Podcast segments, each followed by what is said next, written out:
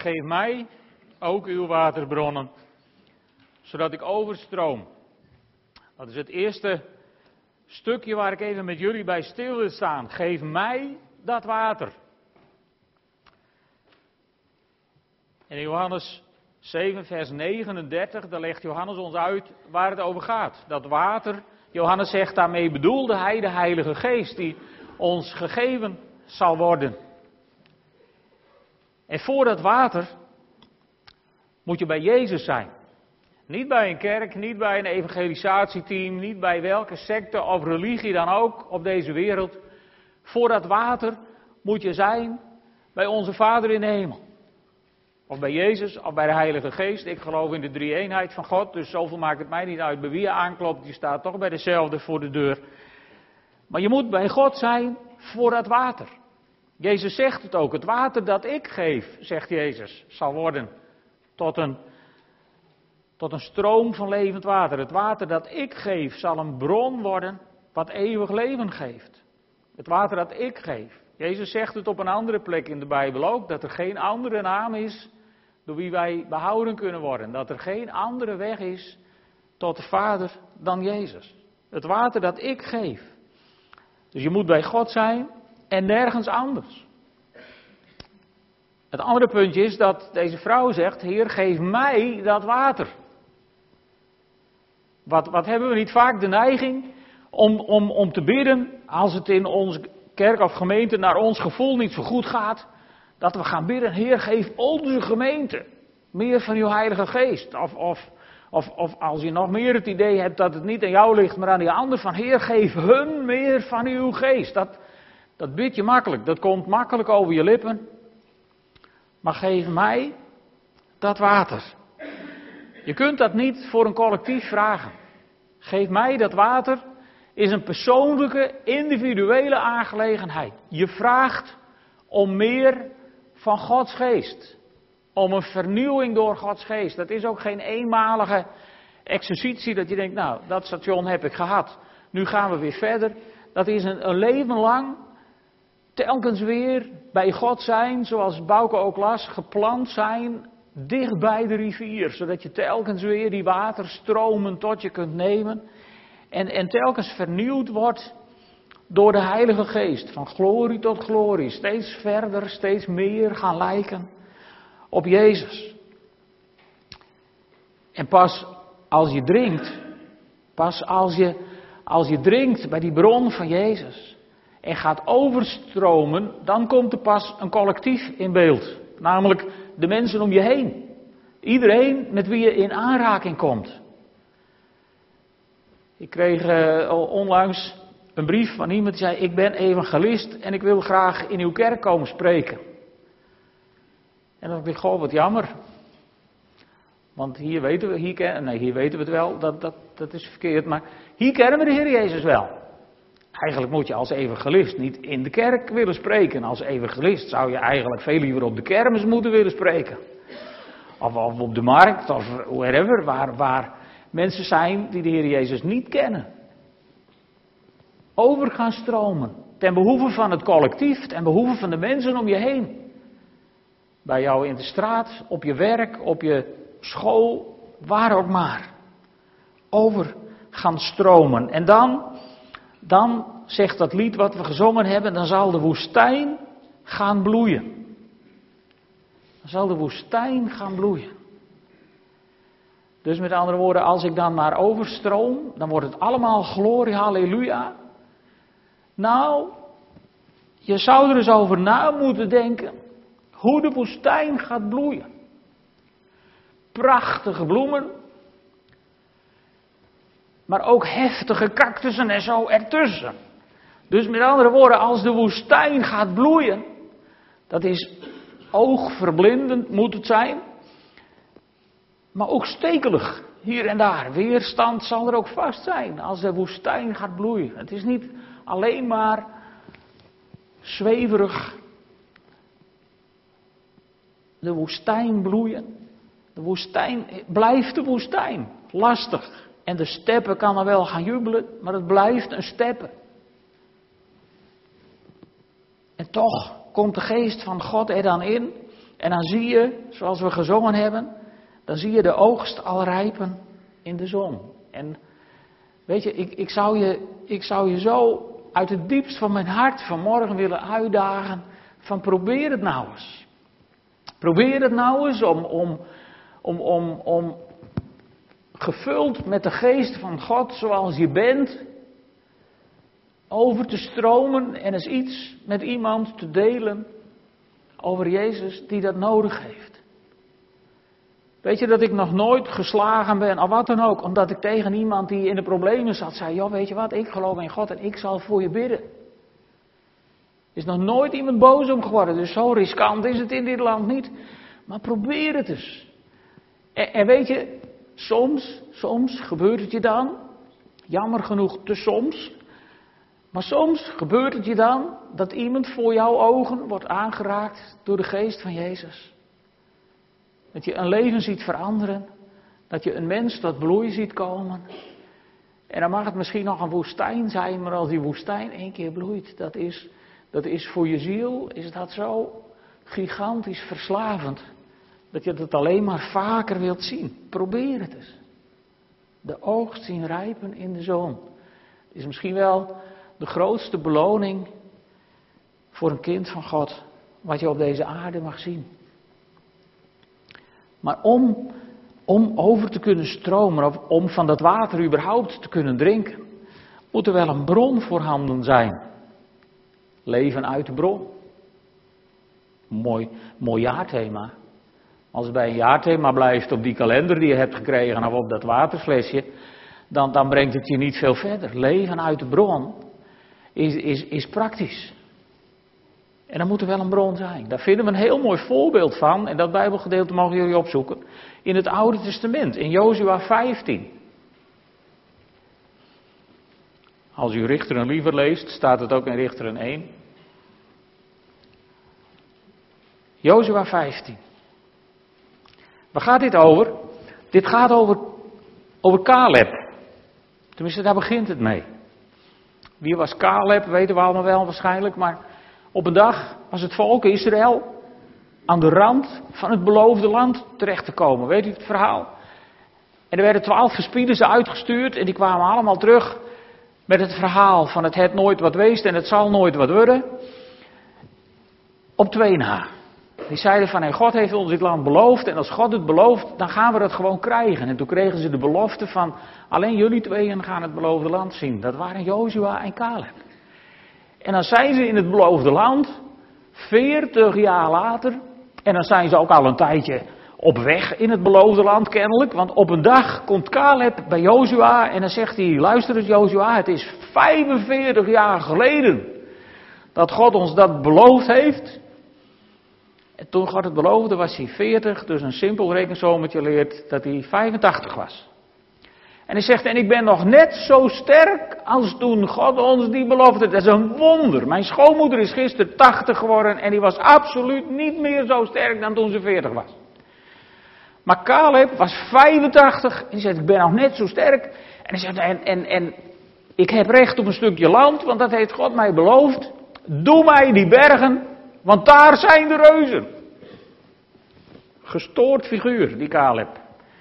Want wij zouden zeggen, nou daar zijn de bergen en de reuzen, dus doe mij maar een ander stukje. Dat heb ik op mijn leeftijd wel verdiend. Maar Caleb zegt, nee, doe mij maar de bergen met de reuzen. En die stroopt zijn mouwen op en die gaan met z'n allen, gaan ze dat land te lijf. En dan komen we hem tegen in Jozua 15, vers 13. Jozua wees, zoals de Heer hem had opgedragen, een deel van Juda's grondgebied toe aan Caleb, de zoon van Jefune. Hij kreeg Hebron, dat toen nog Kirjat Arba heette, naar Arba, de vader van Enak. Enakieten, dat zijn de reuzen. En Caleb verdreef er de drie zonen van Enak, Sesai, Achiman en Talmai. En vervolgens trok hij op tegen Debir, dat toen nog Kirjat Sefer heette. En Caleb beloofde, wie Kirjat Sefer verovert, zal ik mijn dochter Aksa tot vrouw geven. Ik weet niet of hij dat had overlegd met Aksa. Tegenwoordig zouden we dat misschien wel doen met je dochter voordat je haar weggeeft voor iets. Maar toen ging dat nog zo. Gelukkig meisjes is het allemaal wat beter geworden tegenwoordig. Hè? Ja, dit, dit zal je toch niet overkomen. Maar goed, toen wel. En uh, Otniel, een zoon van Caleb's broer Kenas, veroverde de stad en kreeg Axa tot vrouw. Bij haar aankomst spoorde Axa hem aan om haar vader een stuk vruchtbaar land te vragen.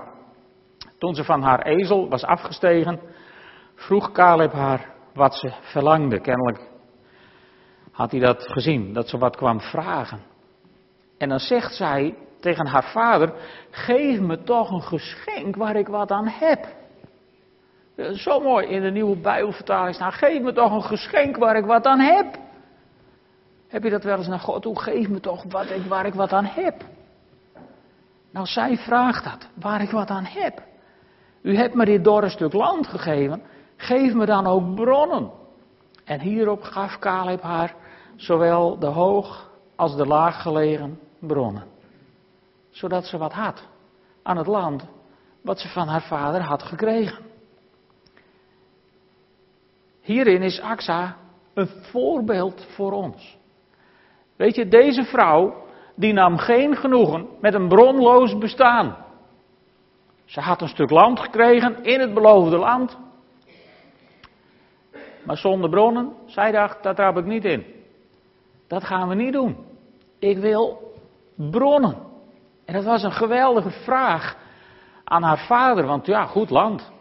Dat was nog wat, dat kregen ze toch cadeau van de heren. Maar water was een, is nog steeds in dat oord een zeldzaam goed. Een kostbaar geschenk is het als je de hoge en de laaggelegen bronnen krijgt. Daar heb je wat aan. Dan willen de boontjes tenminste groeien. En, en, en zo krijgt ze dat. En over die bronnen wil ik nog even met jullie nadenken. We hebben gezien in Johannes 4 dat, uh, dat Jezus zegt: Het water dat ik geef zal in je worden tot een bron waaruit water opwelt dat eeuwig leven geeft. En dan zegt die vrouw tegen Jezus: Geef mij dat water, dan hoef ik hier niet meer heen om water te putten. Met andere woorden, Jezus, Jezus biedt haar de hooggelegen bronnen. Als je hier komt drinken, dan zul je eeuwig leven hebben bij mij. En dat mag. Die uitnodiging die staat. Je mag komen drinken bij Jezus en eeuwig leven ontvangen. Maar zij is eigenlijk veel meer gefocust op het hier en nu. Op de situatie waar ze in zit.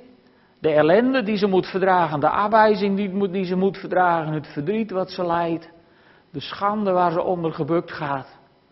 Daar zou zij graag een eind aan gemaakt zien. Zij is eigenlijk veel meer uit op de laaggelegen bronnen. En het mooie is, ze krijgt beide. Want ze komt drinken bij Jezus, gaat overstromen in de stad en vervolgens is ze ineens de evangelist die de hele stad bij de Heer Jezus heeft gebracht. Wegschande. Geweldig verhaal. Maar daar hebben we het al eerder over gehad. In Johannes 7, daar zegt Jezus, wie dorst, laat wie dorst heeft bij mij komen en drinken, want rivieren van levend water zullen stromen uit het hart van wie in mij gelooft.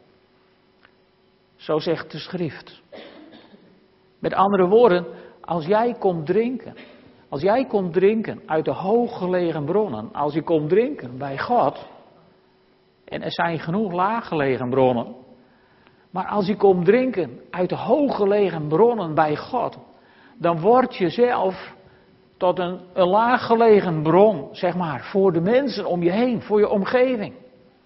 En dan gebeurt er iets. Wij waren eens een keer in, uh, in, in uh, voormalig Oost-Duitsland, stonden we bij een stuwmeertje in een, in een riviertje. En dat stuwmeer, daar wekten ze elektriciteit op. En als ze elektriciteit over hadden, dan pompten ze het water uit het stuwmeer naar een stuwmeer wat een paar honderd meter hoger in de bergen was gemaakt. En er liep een hele dikke buis van het bovenste stuwmeer naar beneden.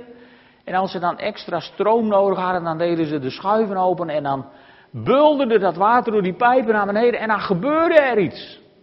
De hooggelegen bronnen, zou je kunnen zeggen, die voeden de laaggelegen bronnen. En daar kwam er energie bij vrij, dat hou je niet voor mogelijk.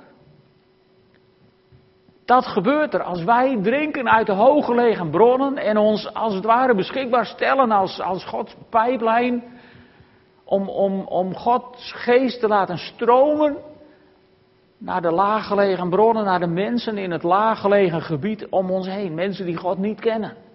Dan komt er iets vrij. Dat is ongekend. Geweldig. Dus als je drinkt uit de hooggelegen bronnen, zul je een bron worden voor de laaggelegen oren. Dat gaat nooit mis. En, en hoe ging het dan met ons voorbeeld? Wat zou er van Otniel en Axa zijn geworden met hun bronnen? Nou, iets heel interessants. Dat vind je terug in Richteren 3. Onze vriend Otniel en zijn vrouw Axa. In Richteren 3, vers 7, dan lezen we de Israëlieten deden wat slecht is in de ogen van de Heer. Ze vergaten de Heer hun God en dienden de Baals en de Ashera's. De Heer werd woedend op de Israëlieten en leverde ze uit aan Kusan Risataim, de koning van Aram Naharaim. Acht jaar moesten ze hem dienen. De Israëlieten riepen de Heer te hulp en de Heer zond iemand om hen te bevrijden. Otniel, een zoon van Caleb's jongere broer Kenas. Zie je hem helemaal even met doopzeel en alles? Dit is hem. Hij werd de eerste richter van Israël. En dan staat er in vers 10, gedreven door de geest van de Heer, trad hij op als rechter over Israël. Hij trok ten strijde en de Heer leverde koning Kusan Risataim van Aram aan hem uit, zodat hij hem een zware nederlaag kon toebrengen. Veertig jaar had het land rust en toen stierf Otniel. Wat bijzonder, hè? Ze kregen van haar vader de hooggelegen en de laaggelegen bronnen. En dan komt het land geestelijk droog te staan, zou je kunnen zeggen. De laaggelegen bronnen, die hadden ze de rug toegekeerd. En dan roepen ze tot de Heer om hulp. En dan komt Otniel in beeld, vol van de Heilige Geest. Met andere woorden, iemand die gewend is te drinken uit de hooggelegen bronnen. Zijn kracht te zoeken bij Jezus. Iemand die niet de bronnen de rug had toegekeerd. Iemand die nog vol was en kennelijk zo overstromend was dat hij in staat was om een heel leger mensen te mobiliseren om met hem mee te gaan in de strijd. En zo behalen ze de overwinning en krijgt het land 40 jaar rust.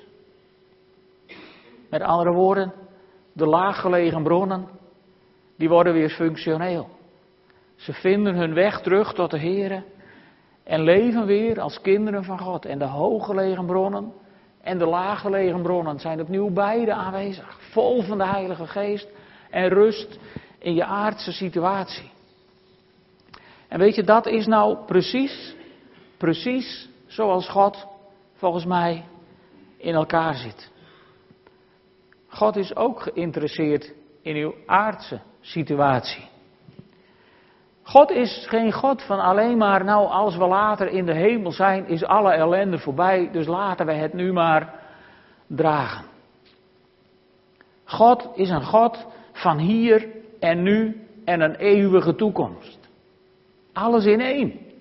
Dus God is ook geïnteresseerd in jouw situatie hier vandaag. Zoals je hier zit en zoals je misschien morgen weer, weer in de maatschappij staat. Ook als het niet gaat op school, of niet gaat op je werk, of niet gaat in je gezin of in je huwelijk. Ook dan is God onmiskenbaar aanwezig met zijn laaggelegen bronnen. God is niet een God van alleen maar de hooggelegen bronnen, ook van de laaggelegen bronnen om je te troosten in het leven van alle dag, om een arm om je schouder te slaan om je desnoods, u kent het plaatje van, van, van de voetstappen in het zand, om je desnoods te dragen op de hoogtepunten van je ellende. Zelfs dan, God is geïnteresseerd in jouw leven hier en nu. En jouw leven later in de eeuwigheid, dat heeft hij al lang voor je geregeld. En misschien is Jezus er nog wel mee bezig. Ik ben een liefhebber van de muziek van Keith Green en ik heb een paar cd's. Dan begint hij of eindigt hij ergens elke keer met een kort woordje. En er staat één heel mooi, ja er staan alleen maar hele mooie liederen op, maar er staat één lied op. Vandaag wil ik even onder jullie aandacht brengen. Dat lied heet Thousand Years. Of 2000 Years heet het. En dan begint hij in de inleiding. En dan vertelt hij over de schepping. Hij zegt, moet je eens kijken hoe mooi de schepping is. Stel je voor, zegt hij. Al deze schoonheid heeft God gemaakt in zes dagen. En Jezus is naar de hemel gegaan om mij een huis voor te bereiden. Daar bouwt hij al 2000 jaar aan. Moet je voorstellen wat ons straks te wachten staat. Wauw. Dat zit wel goed. Daar hoeven we niet over in te zitten.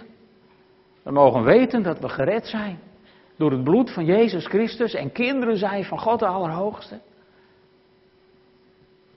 Maar bagatelliseer het hier en nu niet, lieve mensen. God is geïnteresseerd in jouw situatie van vandaag. En daar is Hij in, al hoe beroerd het misschien ook lijkt.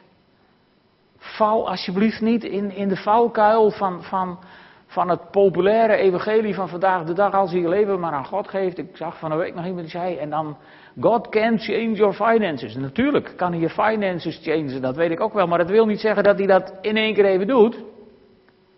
Ik luisterde naar een preek van Joyce Meyer en die zei van, uh, luister eens, misschien word je blij als God alles voor je ten goede heeft gekeerd, maar het is niet zo dat God dat altijd doet.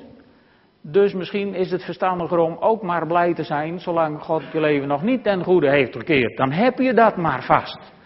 De vreugde des Heren is mijn kracht. Zeggen we toch?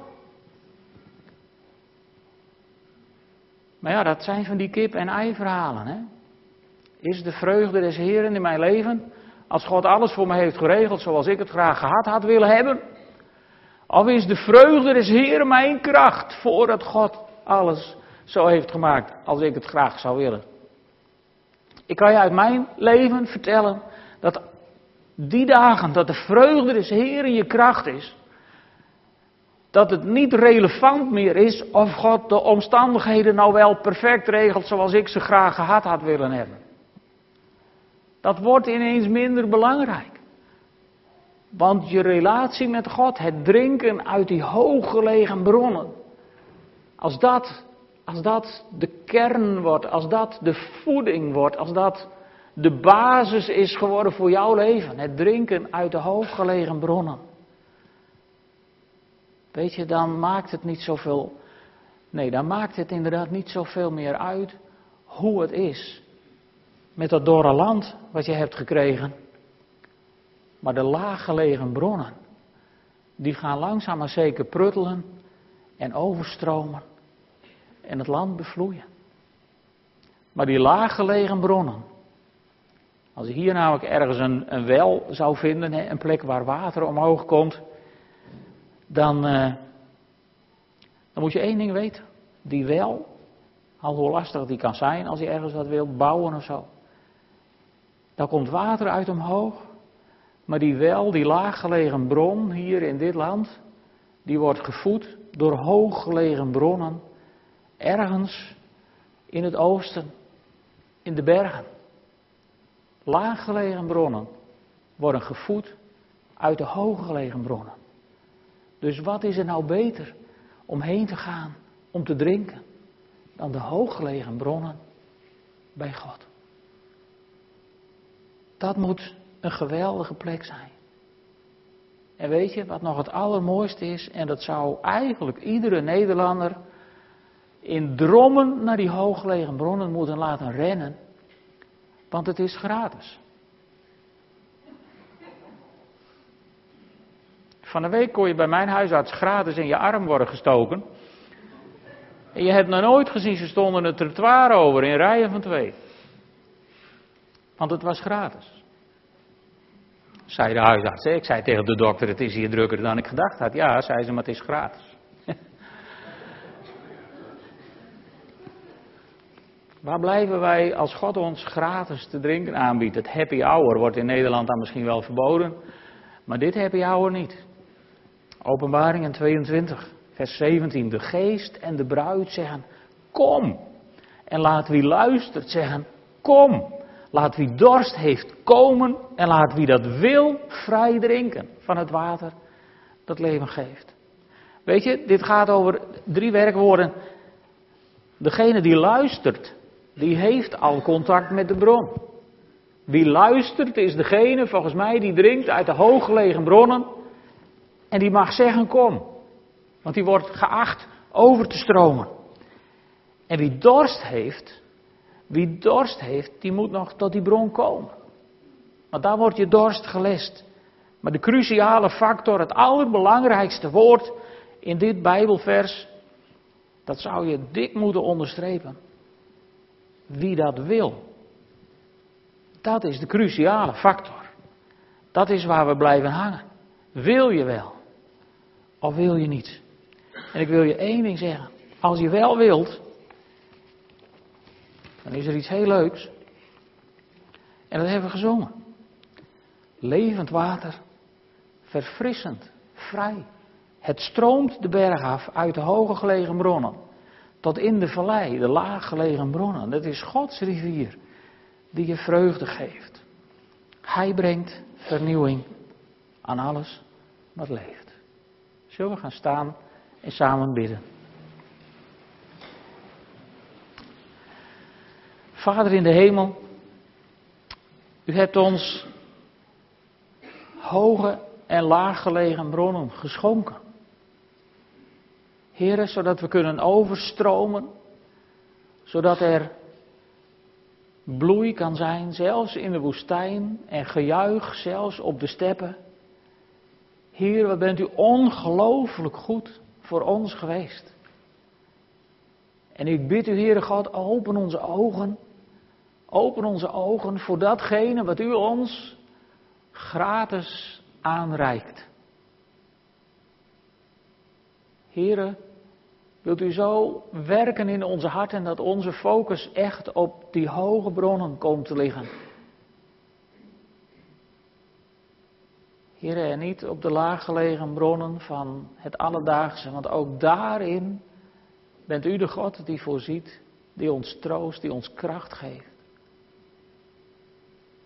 Heren, en als er mensen zijn die de aansluiting op die bron zijn verloren, wilt u dan die aansluiting nu herstellen op dit moment?